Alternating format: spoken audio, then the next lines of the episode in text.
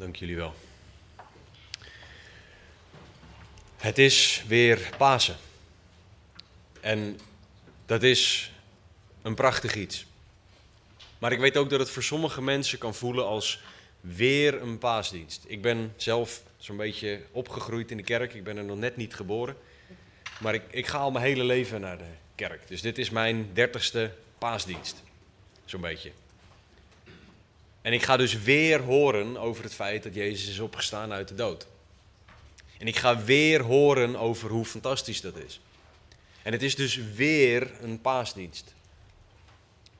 Voor sommige mensen voelt het misschien als een verplichting. Of als een raar iets. Of als een het is weer zover, we moeten hier even doorheen. Voor sommigen is misschien een vrije dag, of meer morgen, een vrije dag, tweede paasdag. Maar als we dit zien, als dit onze blik op Pasen is, dan gaan we voorbij aan de noodzaak van Pasen. En ook aan hoe geweldig Pasen is. Want de opstanding verandert alles. Als Jezus niet opgestaan was uit de dood, dan hadden wij hier niet gezeten. Dan zou er geen kerk zijn. Want dan zou Jezus de dood niet overwonnen hebben. Dus we moeten echt realiseren, we moeten stilstaan bij het feit dat de opstanding alles verandert. En we gaan dat zien aan de discipelen. Dus als, als u een Bijbel bij zich heeft, sla die alsjeblieft open op het Bijbelboek Lucas, hoofdstuk 24, en we zullen de eerste acht versen samen lezen. En dan zullen we daaruit en daarin zullen we gaan zien dat de opstanding alles verandert. Laten we samen lezen. Lucas 24 vanaf vers 1. En op de eerste dag van de week gingen zij heel vroeg in de morgen naar het graf. En dat zijn, die zij zijn de vrouwen die eerder in Lucas 23 genoemd zijn. Ze gingen naar het graf en brachten de specerijen mee die zij gereed gemaakt hadden. En sommigen gingen met hen mee. Die sommigen zijn discipelen. Zij vonden nu de steen afgewenteld van het graf en toen ze naar binnen gegaan waren, vonden zij het lichaam van de Heer Jezus niet. En het gebeurde toen ze daarover in twijfel waren. Zie, twee mannen stonden bij hen in blinkende gewaden.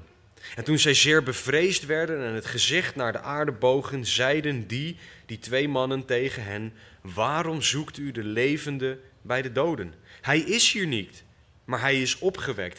Herinner u hoe hij tot u gesproken heeft toen hij nog in Galilea was. De zoon des mensen moet overgeleverd worden in handen van zondige mensen en gekruisigd worden en op de derde dag opstaan. En zij herinnerden zich zijn woorden. Laten we bidden. Heere God, we danken u voor uw woord. Heer Jezus, we danken u voor uw kruisdood, Heer, op Goede Vrijdag. We danken u voor uw liefde, zichtbaar in en door het kruis heen. We danken u voor de genade dat u dit gedaan hebt. En we danken u voor de vreugde van de opstanding. Heer, spreek alstublieft vandaag tot onze harten. Laat er niks van mij bij zitten, alleen maar uw woorden, woorden van eeuwig leven. En Heer, verander onze harten alstublieft, omdat alleen u dat kan. Heer, we vragen dit in Jezus' naam. Amen. De discipelen van Jezus herinnerden zich de woorden die Jezus eerder had gesproken. Oftewel, ze hadden eerder gehoord over Jezus dood, over dat Jezus zou moeten lijden en dat hij uiteindelijk weer zou gaan opstaan uit de dood. Ze hadden dit minimaal drie keer van de Heer Jezus gehoord als je de evangeliën erop naslaat. Maar elke keer merk je dat ze het niet begrepen. Want wat heel mooi is, en heel menselijk en daardoor af en toe ook pijnlijk als je naar je eigen hart kijkt, is dat de discipelen elke keer wanneer Jezus ze de glorieuze waarheid van zijn lijden, sterven en opstaan wilde vertellen, zij bezig waren met hele andere dingen. Ze waren bijvoorbeeld bezig met wie van ons is nou eigenlijk de belangrijkste. Dus wie van ons krijgt uiteindelijk straks de beste positie wanneer Jezus de Romeinen omver gaat werpen. Want dat is wat zij dachten. Of je ziet dat Petrus zei: Nee, maar heren, dat is echt geen goed idee. dat past echt niet in de plannen die ik voor u heb. Dus dat gaan we niet doen. Waarop Jezus tegen hem moest zeggen: Ga achter mij, Satan. Want u bedenkt de dingen van de mens.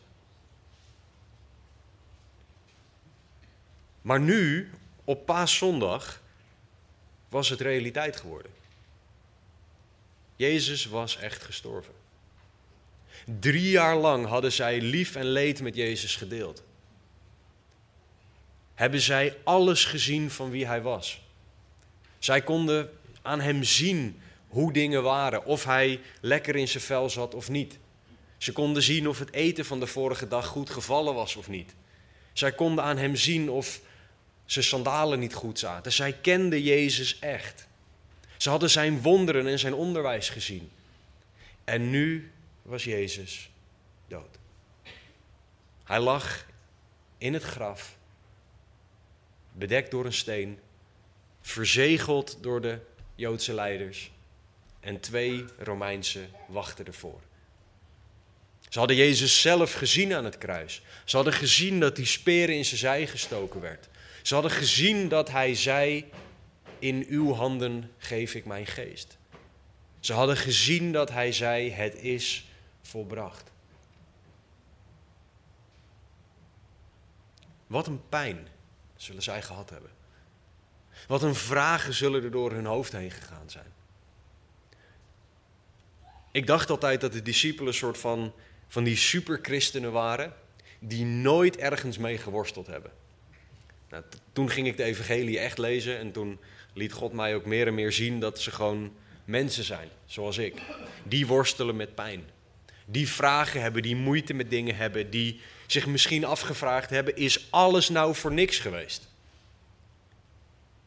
Mensen die zich misschien wel afvroegden, is Jezus dan toch niet echt de Christus? Heeft Jezus misschien wel gelogen tegen ons? Of waren die wonderen nep? Of hebben we dingen ons ingebeeld? De discipelen waren niet verheven. Ze zijn nooit verheven mensen geweest. In de zin van dat zij het allemaal wel op een rijtje hadden. Altijd. Je ziet dat ze continu ruzieën over wie de grootste is wie de grootste in het koninkrijk zou zijn. Je ziet dat ze weinig geloof hebben. Jezus spreekt ze daar op meerdere momenten op aan. Dus ze hadden niet een bepaalde basis waar ze op terug konden vallen. Ze hadden ook niet theologie om op terug te vallen. Dus de, de religieuze leer om op terug te vallen. Want de rabbijnen van hun tijd, wat zij dus van jongs af aan hadden meegekregen, dat was het Joodse onderwijs. Met, sorry, met de Joodse interpretatie van wat de Messias zou gaan doen. Zij wisten niet, omdat hun dat niet onderwezen was, dat de Messias zou komen om te sterven. Dat hoorden ze pas van de Heer Jezus. Zij dachten dat Jezus Rome zou wegsturen uit Israël. En dat hij Israël zou bevrijden. En je ziet dat dat is waar ze vandaan komen en dat Jezus drie jaar lang aan het wegbikken is, dat stuk van hun theologie. Deze mannen hadden niet allerlei dingen om op terug te vallen. Dus welke vragen, welke moeite en pijn ging er op dit moment door hun heen? Ze konden bijvoorbeeld ook niet op hun interpretatie van Bijbelversen terugvallen. Want er zijn teksten waarvan wij nu weten, nu wij het hele woord hebben, dat die over de Heer Jezus gingen. Maar aan hun was die heel anders uitgelegd. Neem Hosea hoofdstuk 6, vers 1 tot en met 3. Daar staat: Kom, laten wij terugkeren naar de Heer. Want Hij heeft verscheurd, maar Hij zal ons genezen. Hij heeft geslagen, maar Hij zal ons verbinden. Na twee dagen zal Hij ons levend maken. Op de derde dag zal Hij ons doen opstaan. En zullen wij voor Zijn aangezicht leven. Dan zullen wij kennen, wij zullen naar jagen de Heer te kennen. Zijn verschijning staat vast als de dageraad. Ja, Hij komt naar ons toe als de regen, als late regen die het land nat maakt. Achteraf kunnen we zien, nu wij het hele woord hebben, dat dit onder andere een verwijzing naar de opstanding van de Heer Jezus is. Maar voor de discipelen voor wie Jezus nog niet was opgestaan, was dit een tijd van: wat is er nou eigenlijk gebeurd? En hebben we het wel goed gehad? Ook Psalm 16, vers 10. Want u zult mijn ziel in het graf niet verlaten. U laat niet toe dat uw heilige ontbinding ziet. In de verwarring die er was door Jezus dood, zullen zij niet deze teksten anders geïnterpreteerd hebben dan wat ze meegekregen hadden al die jaren. Dus deze discipelen, deze apostelen, deze leerlingen, deze vrienden van Jezus, hadden één ding waar ze zichtbaar op terug kon vallen. En dat was een graf dat dicht was, met daarin het lichaam van hun heren. Ze konden niet terugvallen op hun theologie. Of op het feit dat ze apostelen waren. Of op allerlei andere dingen. Dit was een tijd van verwarring, van vragen en twijfels. Want je zag ook al dat de, de discipelen voor Jezus kruisiging hem al verlieten. Dat ze wegrenden. En we moeten dus goed begrijpen dat dit de context is van het stuk wat we in Lucas 24 gelezen hebben. Dit is waar zij op dit moment in zaten. Op het moment dat die dames naar dat graf gingen om Jezus lichaam te zalven, was dit waar zij doorheen gingen. Pijn, moeite, twijfel, vragen. Maar de opstanding maakte alles anders. Je ziet dat de pijn van bijvoorbeeld Maria Magdalena weg was toen ze haar heren zag. In Johannes 20 zien we dat zij huilend bij een tuinman stond, of bij degene van wie ze dacht dat het een tuinman was. En dat toen ze zag dat het de Heere was, in vers 16, dat ze vreugdevol blij was. Dat ze van gekkigheid waarschijnlijk niet wist wat ze moest doen. Maar ze was blij, want de opstanding veranderde alles. Ze stond niet met een tuinman, maar met de Heer Jezus te praten. En daardoor zag ze dat hij opgestaan was uit de dood. Ook toen de discipelen verderop in Johannes 20 Jezus zagen, waren die blij en verward en wisten ze niet wat ze met zichzelf aan moesten. Ze wisten niet of ze nou naar hem toe moesten rennen of van hem weg moesten blijven. Ze wisten niet of ze hem nou konden vastpakken of niet. Maar de opstanding gaf hun vreugde. De opstanding gaf ze een doel. In Matthäus 28, 19 zien we dat ze de grote opdracht krijgen. We zien dat er bevrijding is na drie dagen van twijfel, vragen, pijn en moeite. En dat is wat de opstanding voor de discipelen deed.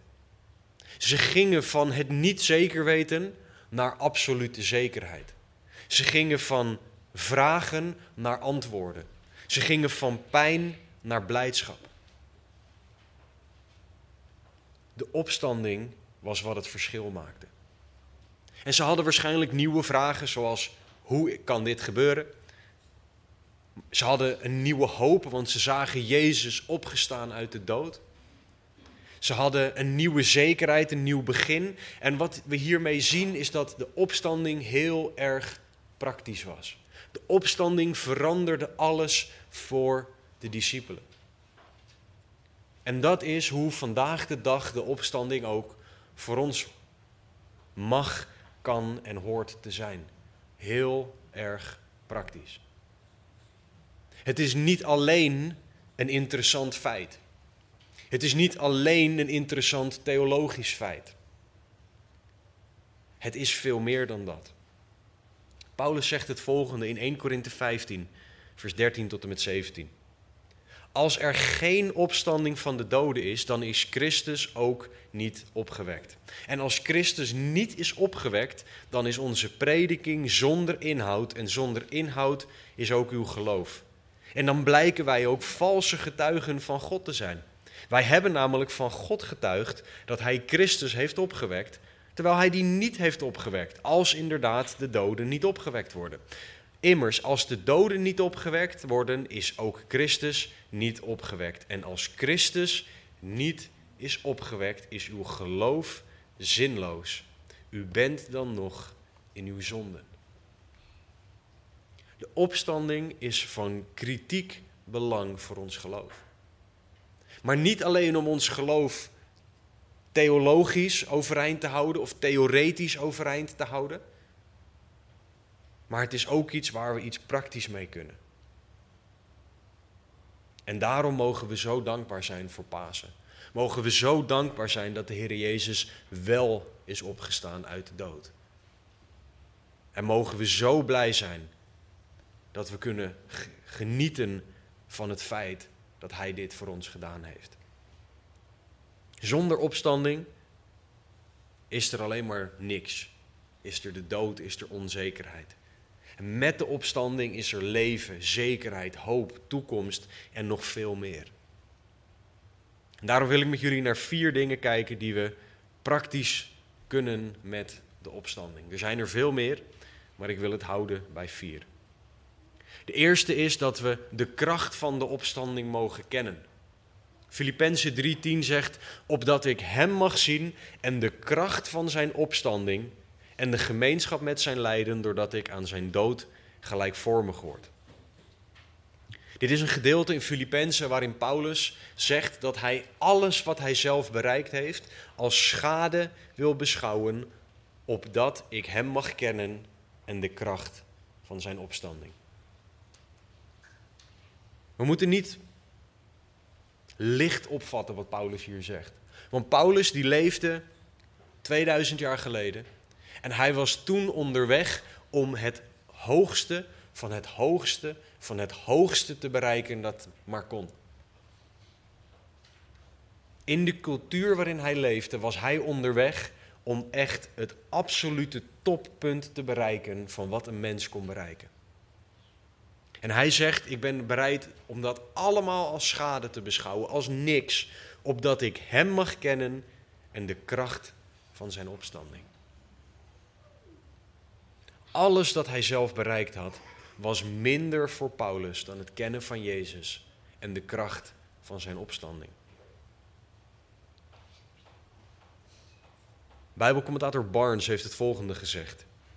Een van de dingen die een christen zeer ernstig zou moeten verlangen, is het voelen van de kracht van deze waarheid in onze ziel. Dat onze grote verlosser de banden van de dood gebroken heeft, leven en onsterfelijkheid gegeven heeft en ons de belofte gegeven heeft dat onze lichamen zullen opstaan. Welke beproevingen kunnen we doorstaan met deze zekerheid? Wat is er te vrezen aan de dood als dit zo is? Wat voor glorie zien we voor ons als we aan de opstanding denken?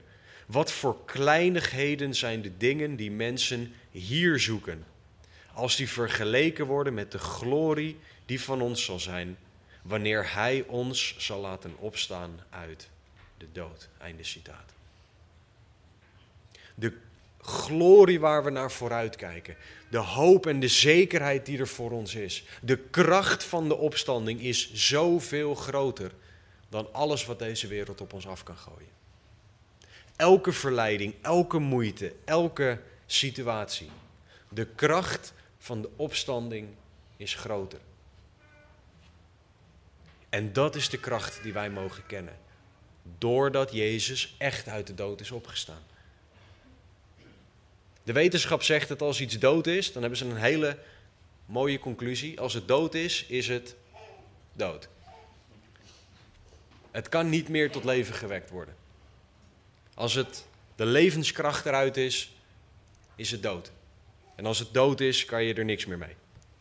Tenminste, niet vanuit een leven perspectief. Wij hebben het hier over een bovennatuurlijke kracht die het onmogelijke kan doen. Die datgene dat dood is, weer tot leven kan wekken. En dat is de kracht die we mogen kennen in onze levens. God kan dode dingen weer tot leven brengen in onze levens. God die kan zoveel meer doen dan dat wij bidden of beseffen, dan dat wij begrijpen. En hij heeft dat bevestigd door de opstanding uit de dood. En wij mogen dus aan God vragen om de opstandingskracht zichtbaar te maken in ons leven. En ik heb het er dan niet over dat we allemaal bizarre wonderen gaan zien en dat we dat kunnen opeisen bij de Heer. God doet het op de dag van vandaag wonderen, maar wij maken daar geen aanspraak op. Ik bedoel ook niet dat als je een keer ziek bent, dat dat dan betekent dat je niet in opstandingskracht leeft. Ik bedoel dat God degene is die jou wil helpen, wil dragen en wil leiden in elke situatie van je leven. En dat als Hij vindt dat er een bovennatuurlijk wonder nodig is, dan zal Hij dat doen. Als Hij wil dat er iets verandert, dan zal Hij dat veranderen. En je mag leren vertrouwen op de Almachtige God die het onmogelijke kan doen. We mogen Zijn kracht kennen. En we zien die kracht ultiem realiteit worden in de opstanding van Jezus Christus uit de dood. En dan mogen we net als Paulus zeggen, opdat ik Hem mag kennen en de kracht van Zijn opstanding. De opstanding verandert alles. En daardoor mogen wij de opstanding leren kennen. Het tweede ding dat we praktisch kunnen met de opstanding, is dat het ons een levende hoop geeft. 1 Petrus 1, vers 3 en 4 zegt het volgende. Geprezen zij de God en Vader van onze Heere Jezus Christus, die ons overeenkomstig zijn grote barmhartigheid opnieuw geboren deed worden tot een levende hoop door de opstanding van Jezus Christus uit de doden, tot een onvergankelijke, onbevlekte en onverwelkbare erfenis die in de hemelen bewaard wordt voor u. Wij mogen door Jezus' opstanding uit de dood nieuwe, levende, echte hoop kennen. En Petrus zegt dat door Jezus' opstanding uit de dood er überhaupt hoop is. En dit is hoop op een geweldige eeuwigheid. Hij spreekt over een geweldige, onvergankelijke, onbevlekte, onverwelkbare erfenis. Dat is wat ons te wachten staat in de eeuwigheid. In het eeuwige leven dat God voor ons heeft. En dat eeuwige leven is het allerbeste dat we ooit zullen kunnen krijgen. Het allerbeste dat een mens ooit zal kunnen overkomen. En we hebben zekerheid dat we die krijgen door geloof in de Heer Jezus, door de opstanding van Jezus uit de dood. De opstanding verandert alles, want ongeacht je situatie, je weet wat er komt. Dus je hebt hoop, zelfs als de situatie compleet hopeloos lijkt. Als alles instort of in lijkt te storten, kan je vertrouwen op de opstanding en kan je zien dat we daardoor zekerheid hebben. We mogen leren leven naar wat Hij gedaan heeft, in de plaats van alles wat er op ons afkomt. We mogen leren staan op de opstanding, in de plaats van omvergeworpen worden door de dingen die er op ons afkomen. We mogen uitkijken naar die zekere en vaste toekomst. En we mogen daarop vertrouwen boven alles. En doordat we die eeuwige hoop hebben, doordat we die, die erfenis hebben die eraan komt, mogen we vandaag de dag nu ook al hopen op de God die bij ons is. We hebben een levende hoop, staat er in 1 Petrus. Een levende hoop door de opstanding van Jezus Christus uit de doden. En die hoop, die hebben we nu ook al. Die hoop, die mag je nu altijd bij je dragen.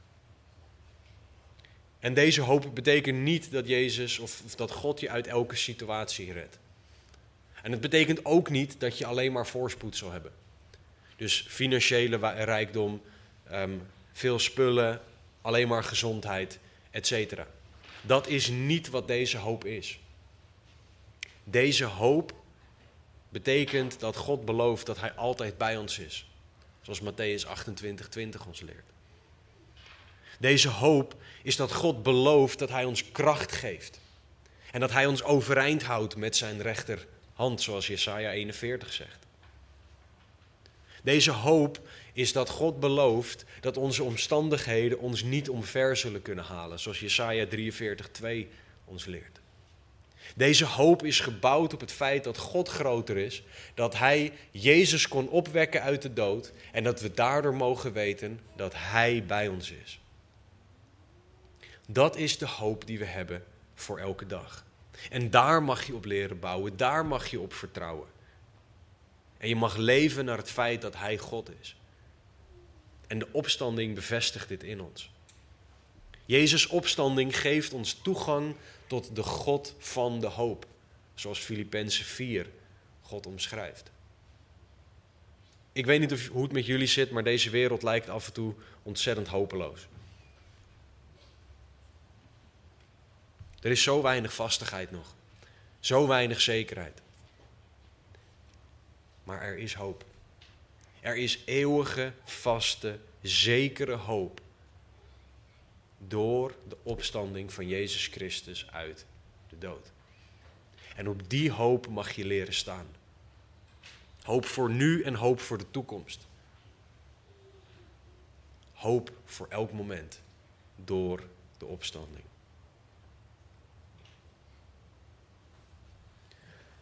Het derde punt van wat we praktisch kunnen met de opstanding is dat de opstanding ervoor zorgt dat we in nieuw leven zullen wandelen in nieuw leven kunnen wandelen. Romeinen 6:4. Wij zijn dan met hem begraven door de doop in de dood, opdat evenals Christus uit de doden is opgewekt tot de heerlijkheid van de Vader, zo ook wij in een nieuw leven zouden wandelen. Opstanding verandert alles, want door de opstanding hebben we nieuw leven. We hebben hoop. We hebben een nieuwe manier van wandelen in dit leven. We zitten dus, technisch gezien, niet meer vast aan ons oude leven, maar we hebben een nieuw leven van God gekregen. En Paulus gebruikt hier de doop als een beeld van de opstanding. Begraven met Christus onder water en overeind komend, opgewekt tot nieuw leven. En het doop laat zien dat het erom gaat dat we weer overeind komen en dat we in dat nieuwe leven mogen wandelen. Efeze 4 omschrijft dit ook als de oude en de nieuwe mens.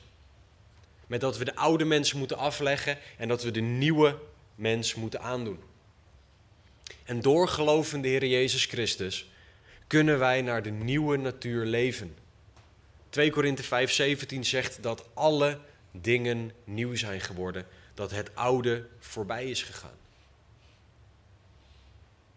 Daarom kunnen wij als christenen ook nooit zeggen: Ja, God is nog met mij bezig. Want je bent al nieuw. Ja, je bent nog van alles aan het leren, maar je bent helemaal nieuw. Vanochtend ben ik nog ontzettend tegen mijn zondige vlees aangelopen ben ik nog ontzettend er tegenaan gelopen dat ik ook die oude natuur heb. En het is dan zo makkelijk om iemand anders de schuld te geven. Of om te denken, ja maar zo ben ik nou eenmaal. En dan zegt God, dat is helemaal niet waar. Dat is niet waar. Je hebt nieuw leven van mij gekregen. Je bent een nieuwe schepping. En dat is bevestigd door de opstanding uit de doden. We zijn anders dan onze oude natuur. Het draait niet langer om wat mijn zondige vlees wil. Tenminste, zo zou het niet moeten zijn. Het leven hoort te draaien om Gods wil. In de plaats van dat we leven voor onszelf, horen wij nu te leven tot Gods eer, zoals Jesaja 43, 7 ons leert. Wij zijn gemaakt om God te eren, zegt die tekst. En dat is de focus van ons nieuwe leven. De focus van het leven bij God. In de plaats van alles op eigen kracht mogen we nu weten dat het niet door kracht, niet door geweld, maar door de geest van God is, zoals Zacharia 4:6 ons leert. En de Heilige Geest woont in de christen, zegt 1 Korinthe 3. Die geeft ons wat nodig is, zodat wij in nieuw leven kunnen wandelen. En de wereld wil juist dat we een onafhankelijk, sterk leven leiden. En God wil dat wij afhankelijk leven van wie Hij is. Geleid door de Geest, zodat we uit Zijn kracht leven in de plaats van onze eigen kracht.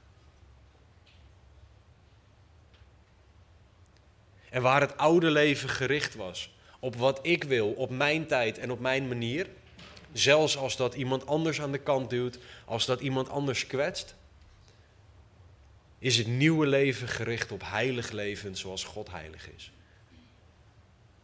De standaard ligt niet meer op waar ik blij van word, of wat ik goed genoeg vind. De standaard ligt op wat God wil en wat God goed genoeg vindt, waar God blij van wordt. En dat is waarom dit leven, deze manier van leven alleen kan door opstandingskracht. Daarom moeten we de kracht van zijn opstanding leren kennen. Want niemand van onszelf is ertoe in staat uit zichzelf om heilig te leven. Alleen de geest kan dit werk in ons doen. En daarom moet het door zijn kracht. Daarom moet het tot Gods eer, want heiligheid is tot zijn eer. Want heiligheid gaat soms ten koste van jezelf. Maar het is tot Gods eer. En dan is het goed.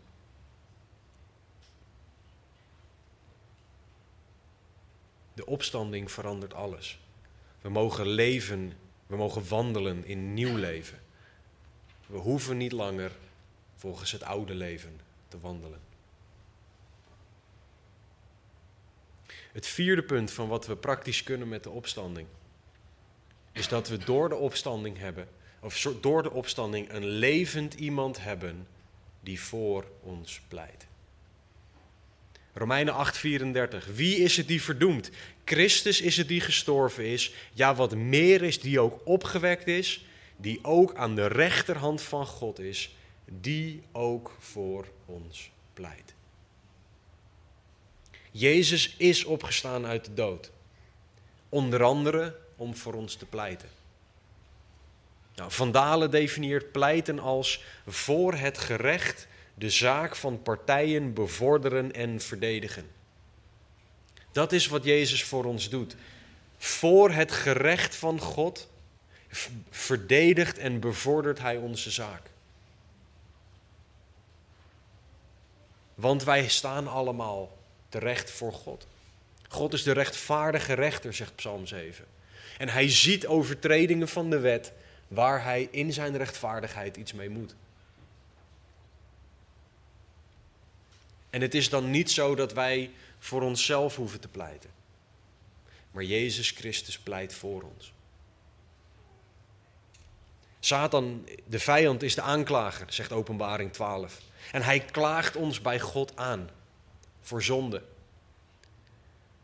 En wat ik dacht altijd dat hij daar dan stond te liegen, maar Satan kan ook de waarheid spreken. Want wij hebben een hoop van de zonde die hij zegt dat wij gedaan hebben, hebben wij ook gedaan. We zijn niet voor niets zondaren. En Satan die heeft niet, die krijgt allemaal rapporten met dingen die wij doen, zo stel ik me dat voor. Ik kan dat natuurlijk niet bijbels hard maken dat hij rapporten krijgt, uitgeschreven. Maar het gaat even erom dat hij ons kan aanklagen voor God. Want wij hebben een hoop gedaan. Wij zijn zondaren, maar Jezus pleit voor ons. Hij verdedigt onze zaak. En dat doet hij niet op basis van hoe geweldig goed wij voor de rest van de tijd zijn. Want dat was een incident en dat gebeurde niet te vaak. En als je de balans neerzet, dan is er meer goed dan dat er slecht is. En daarom pleit hij voor ons. Nee. Hij pleit voor ons op basis van wat hij gedaan heeft. Op basis van zijn dood en zijn opstanding. En dat is waar we dankbaar voor mogen zijn. Want niet alleen is Satan bezig om ons aan te klagen bij, bij God. Hij en zijn demonen klagen ons ook aan bij onszelf. En dat doet hij door dingen als. Dat is nou toch de honderdste keer dat je dit gedaan hebt. En de honderdste keer vandaag. Denk je nou echt dat God nog op jou zit te wachten? Denk je nou echt dat God nog van jou houdt? Denk je nou echt dat jij nog de eeuwigheid bij God in mag gaan? Denk je nou echt dat God nog zo naar jou kijkt? Of dingen als, ja, maar de Bijbel zegt wel dat God van de mensen houdt en dat die mensen vergeeft. Maar jij hebt niet gezien dat daar staat, komma, behalve en dan jouw naam.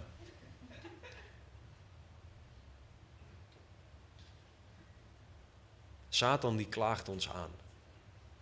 Hij wil dat wij gaan twijfelen aan Gods woord.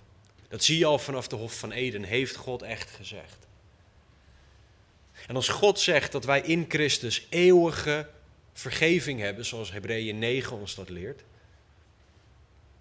dan is dat een feit. En Jezus is dan degene die onze zaak verdedigt. En als Jezus jouw advocaat is, als alwetende, almachtige God, dan heeft Satan geen poot meer om op te staan. Jezus verdedigt onze zaak en dan laat hij zien dat hij de straf gedragen heeft. En daardoor hoeven wij niet gebukt te gaan onder schuld. In Hebreeën 9 wordt er gesproken over dat de offers in het Oude Testament een mens rein konden maken in Gods ogen. Want de mens werd, kon daarna weer bij God komen. Maar het punt dat de schrijver van de Hebreeënbrief maakt, is dat het offer van de Heer Jezus, van de Heer Jezus in staat is om ons geweten te reinigen. Om ervoor te zorgen dat ook al onze schuldgevoelens weg zijn. En daar mogen we zo dankbaar voor zijn. Hebreeën 9:14. Hoeveel te meer zal het bloed van Christus, die door de eeuwige geest zichzelf smetteloos aan God geofferd heeft, uw geweten reinigen van dode werken om de levende God te dienen. Je hoeft niet gebukt te gaan onder schuld, christen. Je hoeft niet te leven alsof de zonde er nog continu is. De zonde waar je al vergeving voor hebt gevraagd, bedoel ik. Want in Christus is het vergeven en is het weg. Zover als het oosten van het westen is, zover doet God onze zonde van ons weg. En toen ik me realiseerde dat het echt een briljant iets is dat God ons op een aardbol gezet heeft, daardoor de vier hoeken of de, de vier punten van het kompas aan ons gegeven heeft. En dat we daardoor weten wat het oosten en het westen is. Toen, toen ontplofte mijn brein bijna. Want als je op een bol, op onze aardbol, maar ver genoeg naar het noorden gaat, ga je op een gegeven moment, dan tuimel je over de rand heen en dan ga je naar het zuiden. Maar als jij maar naar het oosten blijft gaan, zal je nooit van je lang zal zijn leven het westen raken. Want het oosten gaat maar door, omdat je op een bol zit. Dus het is briljant dat God een aardbol voor ons gemaakt heeft. Met de vier punten van het kompas. En dan zegt zover als het oosten van het westen is. Want die zijn oneindig ver van elkaar verwijderd. Zo ver doet God de zonde van jou weg. Zo ver zijn ook jouw schuldgevoelens van jou als jij bouwt op Jezus. Als jij Jezus voor jou laat pleiten, in de plaats van dat jij je continu laat aanklagen. Door de opstanding verandert alles. Dus hoef jij ook niet gebukt te gaan onder schuld. Als jij om vergeving hebt gevraagd aan de Heer, dan is het weg. Dat zegt de God die niet kan liegen over jouw schuld. De opstanding van Jezus Christus verandert alles. Door de opstanding is er de mogelijkheid tot een relatie met God. Door de opstanding hebben we een familie in Christus. De broeders en de zusters. Door de opstanding weten we dat God altijd bij ons is. Dat Hij ons draagt, dat Hij ons leidt, dat Hij goed is. We mogen God zien in zoveel verschillende dingen door de opstanding. En ultiem kunnen we Gods liefde voor ons zien in het kruis en in zijn opstanding voor ons uit de dood. Dus christen, de opstanding is cruciaal. Pasen is cruciaal. Dus denk alsjeblieft niet, ah, daar hebben we Pasen weer. Nee, wees dankbaar voor Pasen. Want Pasen is geweldig en verandert alles. Want de opstanding verandert alles. En dat is wat wij vandaag vieren. Dat is waarvoor we dankbaar zijn. Voor Jezus' opstanding uit de dood. Dus wij mogen de kracht van de opstanding leren kennen. Wij mogen leren leven in hoop, in nieuw leven. En we mogen zonder schuldgevoelens leven op basis van de vergeving die voor ons betaald is. Voor de discipelen veranderde alles toen ze zagen dat Jezus opgestaan was uit de dood. Zo mag het ook voor jou zijn. De opstanding is voor iedereen de kans om gered te worden. Het is voor jou, voor u en voor mij de opstanding is cruciaal om gered te worden. De Bijbel leert ons dat als je gelooft dat Jezus Christus de Zoon van God is, dat je dan gered bent. Johannes 20, 31 leert ons dat. Dus ook jij mag geloven in de Heer Jezus. En ook jij mag gered worden door geloof in Hem. Zoals, ons, zoals het woord ons leert. Jij mag gered worden van de eeuwigheid, gescheiden van God doorbrengen in een plek die de Bijbel de hel noemt. Geloof in Jezus als Gods zoon, zegt het woord, en je bent gered. Paulus kreeg de vraag in Handelingen 16: Wat moet ik doen om gered te worden? Geloof en u zult gered zijn, zegt het woord op die plek. Handelingen 16, 31. Christen, de opstanding verandert alles voor jou. In elke situatie, continu. Door de opstanding heb je zoveel zegeningen. Maar de vraag is, hoe goed ken jij de kracht die Jezus deed opstaan uit de dood? Vraag aan God om jou die kracht te laten zien. De vraag is, christen, heb jij en leef jij naar levende hoop? Of word jij geregeerd door je omstandigheden? Bid dat God je daarin zal laten groeien in leven, in hoop. De vraag is, christen, wandel jij in nieuw leven? Of hou jij je nog vast aan je oude leven?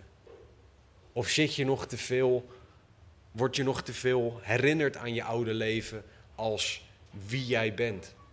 In de plaats van dat je leeft naar de nieuwe schepping die je bent. En christen, laat je alsjeblieft niet langer aanklagen. Leef in de vrijheid die er is door de opstanding uit de dood. Laten we bidden. Heere God, we danken u dat de opstanding alles verandert. We danken u dat er nieuw leven is, dat er hoop is, dat er genade, liefde en barmhartigheid is door de opstanding. Heere, open onze ogen alstublieft voor wie u bent. En laat in ieder alstublieft de opstanding zien. De, de kracht van de opstanding. Uw liefde door de kruisdood en door de opstanding. Laat alstublieft zien dat u goed bent. Heer, overtuig mensen op dit moment van wie u bent. Breng mensen tot geloof alstublieft, Heer, want dat is zo nodig. En Heer, we bidden dat u op dit moment harten zal aanraken. Heer, waar wij bemoedigd of gecorrigeerd moeten worden, waar wij teruggebracht moeten worden bij de opstanding, doe dat alstublieft. Heer, doe wonderen alstublieft vandaag. Dingen die wij niet kunnen bidden of beseffen. En laat ons alstublieft de kracht van de opstanding, de waarde van de opstanding opnieuw zien. Niet omdat wij dat verdienen, Heer, maar puur en alleen uit genade, uit uw goedheid. Heer, u bent zo goed. We loven u en we prijzen u voor uw dood, voor uw opstanding en voor de zegen die daarmee gepaard gaat. We bidden en we danken, we loven en we prijzen in Jezus' naam. Amen. Het aanbiddingsteam zal ons zo nog leiden in een tweetal liederen. Er zullen een aantal mensen aan de randen en achterkant van de zaal gaan staan. Die zullen een keycord om hebben. En dan kan je met een van hen bidden. En de vraag is niet of je gebed nodig hebt, want iedereen heeft gebed nodig. Maar de vraag is of je gebed wil. Dus als jij wil bidden, en ik wil je echt aanmoedigen om dat te willen, ga naar een van hen toe. Je kan in detail vertellen waarvoor. Je kan ook gewoon vragen: bid alsjeblieft. En deze mensen willen heel graag met je bidden. Maar gebruik de tijd ook van deze liederen om de Heer te aanbidden. Maar ook om de Heer te vragen om zichzelf aan jou te laten zien. Om jou de opstanding opnieuw te laten zien. En die te gaan waarderen zoals de opstanding is. Jezus zei, Johannes 11, vers 25 en 26. Ik ben de opstanding en het leven. Wie in mij gelooft, zal leven, ook al was hij gestorven. En ieder die leeft en in mij gelooft, zal niet sterven in eeuwigheid. Gelooft u dat? Geloof dat deze week. Leef in de kracht van zijn opstanding. En ik wens jullie een hele gezegende week vol van zijn aanwezigheid.